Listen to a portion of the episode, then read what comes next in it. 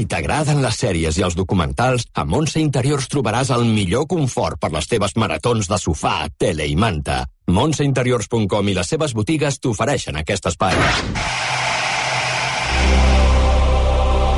És del documental que més se'n parla eh, i que ha tingut més consum aquests darrers mesos. Estem parlant de Harry i Meghan a Netflix, sis capítols de 50 minuts. No sé, Mònica Planes, si calen aquests sis capítols o diguéssim no. que De fet, no jo calen. amb 20, amb 20 minuts, 20 minuts. del primer ja em vaig tenir prou, Mare imagina't. És un despropòsit. Despropòsit. Per innecessària, per efectista, per impostada i artificial, per victimista, per carrinclona, per incoherent, per esbiaixada, per superficial, per hipòcrita, per exhibicionista, per narcisista, per melodramàtica i per egocèntrica. Què? Que meravella. Ara. Tranquil·la. Escolta, has agafat el diccionari i has, tots, has, He has, has utilitzat vomitat. pràcticament tots els adjectius qualificatius. Sí, això és el que penso d'aquesta sèrie. Apa, fins dimarts que ve. Bona Fins tarda. aquí la secció. Molt bé, doncs escolta, eh, fins la setmana vinent. Eh, per tant, totalment innecessària veure Harry i Meghan, no? Que la teníem a casa, allò, la veiem, no la veiem? El que és curiós és que crea una situació en alguns molt morbosa de realment voler veure uh, això i a d'altres una, una, com una compulsió addictiva de, de veure algú que s'exposa d'aquesta manera. Uh, hi ha gent per tot, per tant hi ha gent que li agrada. Jo trobo que aquesta parella no en té idea del concepte de privilegi que tenen, d'acord? És una parella vivint en una mansió de Montecito, que és com un, és un dels llocs més, es, més exclusius de Califòrnia, que a més a més amb la, amb la pandèmia va experimentar un boom eh, immobiliari. És un barri molt exclusiu, la parella viu en una mansió que els hi va costar, em sembla que són 13 milions d'euros, Mm, barato. són uh, 1.000 metres quadrats, uh, són veïns amb uh, Oprah Winfrey, també tenen de veïns a l'Ariana Grande, a, a Ellen DeGeneres, a Rob Lowe, d'acord? I és aqu- aquest mm, veïnat super exclusiu. Aquesta parella exigeix un dret a la intimitat i per defensar el teu dret a la intimitat graves sis capítols amb Netflix posant-te les càmeres dins de casa i ensenyant fotos del, del teu mòbil i explicant tota la teva vida i no té sentit, és incoherent. És a dir, si tu el que defenses és el teu dret a la privacitat, renuncies a la família reial Clar. i dius que no en vols saber res de tot això, després no et posis a muntar el drama per la, pa, a Netflix. Te'n vas a Montecito, vius en Clar. una mansió, t'aïlles d'aquest món del qual no vols formar part i, escolta, el que digui, no deixin de dir, t'importa tres pitos i estàs forrat, tens un, un acord amb Netflix, uh, vas fent, que de moment tot el que han fet amb Netflix són coses parlant d'ells mateixos, uh, o amb Oprah Winfrey, l'entrevista, o després un altre programa amb Oprah Winfrey on parlaven de salut mental, on el príncep uh, Enric tornava a explicar els seus problemes de salut mental, és a dir, al final estan sempre parlant d'ells mateixos. Que dius, han acabat comercialitzant La seva vida. la seva vida i la seva condició Són el- unes, unes eh, no sé si, no sé, eh, una, uns, unes Kardashian, però de l'standing. Exacte. De, de, De- del de la seria, monarquia, De la de la monarquia, de la cort, del que era la cort abans, no? Exacte. Clar, no té cap sentit, perquè al final són ells els que estan traient partit també a aquest drama i a aquesta situació que els hi, que els hi va tocar viure. Quan comences a veure la, la sèrie, t'avisa, és el archivo personal jamás mostrado. I, efectivament, t'ensenyen moltes fotos que es fan a casa seva, però, a més a més, on allà no és que siguin fotos només del mòbil, és que hi han posat un fotògraf perquè és una foto amb una mm, capacitat estètica pròpia d'un professional, però que fan veure que estan a la cuina. I dius, a veure, mm. això has fet venir algú a casa teva perquè et faci aquestes fotos per ensenyar-les en aquest documental, que al final es nota que hi ha un component eh, molt induït. Anem a analitzar algun dels recursos que fa servir aquesta sèrie per mm, una mica enredar-nos a tot amb aquest relat. La sèrie comença amb uns vídeos gravats per ells mateixos amb el seu mòbil que coincideixen teòricament, perquè jo en tinc els meus dubtes, amb l'última setmana que estan fent aquest, amb, amb la, diguem, encara vinculats a la família reial. D'acord? Llavors, el documental posa música trista, molt trista, molt trista, i primer el Harry i després la Meghan en vídeos diferents, parlen a càmera dirigint-se a algú que no sabem qui és, eh, molt compungits. Hola, estamos aquí en Mar miércoles. Miércoles no sé qué de marzo. Acabamos de terminar dos semanas de nuestra última ronda de compromisos institucionales. Es muy duro mirar atrás ahora y decir, ¿qué diablos ha pasado? ¿Cómo hemos acabado aquí? Dius, això què li expliques, no? Llavors, ells ho justifiquen dient que van decidir, quan van assumir, van prendre aquesta decisió, fer un videodiari, que els hi va dir un amic que per què no ho feien i van decidir gravar aquest videodiari que dius, però qui li estàs explicant tu tot això? Ah, no ho sé.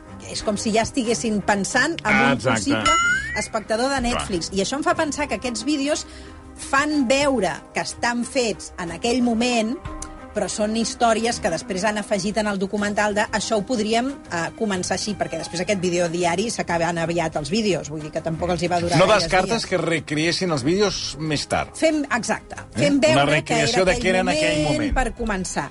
Aquest és el, el vídeo de la Meghan Markle, que per cert el, se li va acudir gravar-lo per donar aquesta sensació. Heu vist que el Harry fa veure que no sap quin dia de la Sí, està setmana molt diu. afectat, És, està- és martes, drama. és miércoles, ara no sé No quin dia sabe, és. estaba muy mal. I ella ho fa amb una tovallola embolicada, mm. com si s'acabés de, De de, rentar el cabell, i diu, mira, ara que m'he... Una escena molt natural, o sí, sigui- exacte, de dir, mira, ara, com que m'he acabat de dutxar, ara faré el, el, el videodiari.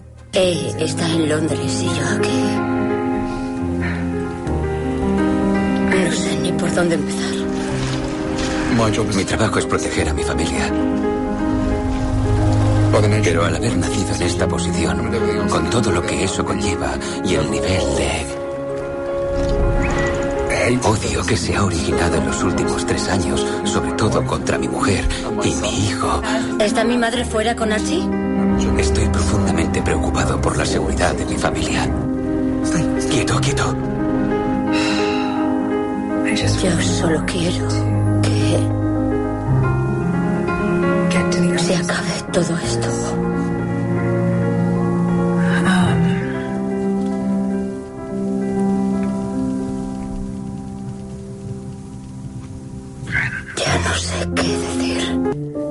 Qualsevol diria I el que han, han, han deixat uh, la monarquia i estan al carrer amb, Sí. amb uns cartrons. Una mal de mans que ho estan passant Va, per... va, va. Un drama, de realment malament, realment malament. Una altra farsa és constantment veure com Meghan Markle intenta fer-nos creure que ella no sabia qui era el príncep Enric, Va, va, va. ni va mirar mai quina condició tenia, ni com vivia, ni qui era. Això es repeteix en diverses uh, vegades, mm -hmm. sobretot en el primer capítol, i fins i tot ens ensenyen a la parella mirant una entrevista d'arxiu de uh, quan es van, uh, que li van fer amb ella abans de conèixer el, el príncep Enric. ¿El príncipe Guillermo o el príncipe Enrique? No lo sé. Enrique. ¿Enrique? Vale. Vale. Vale. ¿En qué año fue? Es octubre de 2015. ¿Octubre de 2015? Menos de un año. ¿Antes de conocernos? Lo siento, No claro que te elegiría a ti. Ah, vale. Esto vuelve a demostrar lo poco que sabías. Pero mira hasta dónde hemos llegado. Jo he arribat a pensar que aquest, aquesta és una recreació. Mira que sóc mal pensada, eh? Però he arribat a pensar que pogués ser una recreació No, no per avalar aquest argument de jo no sabia qui era, que quan li presenten eh, només mira el seu Instagram, però no mira internet quin I no sap qui és. Home, si tu coneixes el príncep de Zamunda i t'enamores d'ell, no li mires només l'Instagram, tu mires a... en què consisteix tot plegat, perquè si et passa això amb un Home. senyor interessant que coneixes, encara que no sigui cap, a, no, cap eminència, imagina't si et diu que és un príncep. Igual que la Vane conmigo, I, I més aquest príncep. Igual. Ja.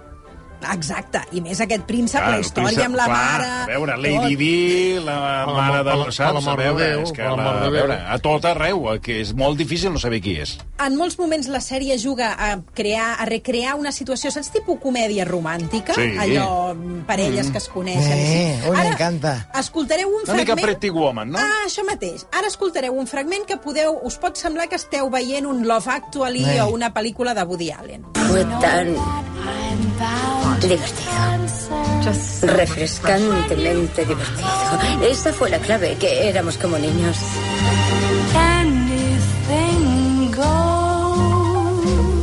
Estuvimos charlando durante cerca de una hora.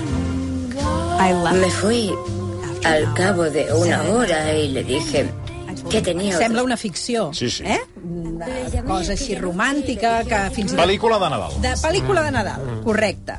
Um, hi ha una constant projecció freudiana en què tant la Megan com ell han heretat el rol de la mare. És Constantment, tots dos han estat imbuïts per, Per l'esperit de Lady Di. I tots dos són la nova Lady Di. Es una gran historia de amor. Y lo más increíble es que creo que esta historia de amor solo está empezando.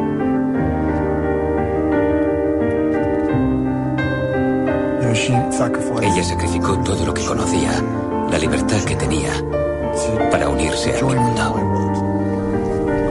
Y luego, Aquí entrem a aquest joc de, de sacrificis. Escoltem ara el que troba que la, que la Megan és igual Aquest que la... mirall de- Aquest mirall. gran parte de lo que es Megan y cómo es, es muy similar a mi madre. Tiene la misma compasión, la misma empatía, la misma confianza. Tiene una gran ternura. Pues más vale que no acabe igual, porque acabó suicidada. Yo lo dije. Sí. Això, això és el que ells venen. Sí. És a dir, nosaltres ens vam retirar a temps Per no acabar així. per no acabar igual que la meva mare. Bueno, perquè aquest és l'argument d'ells s'estan- dos. Exacte, perquè s'estan reproduint tots els rols i totes les circumstàncies.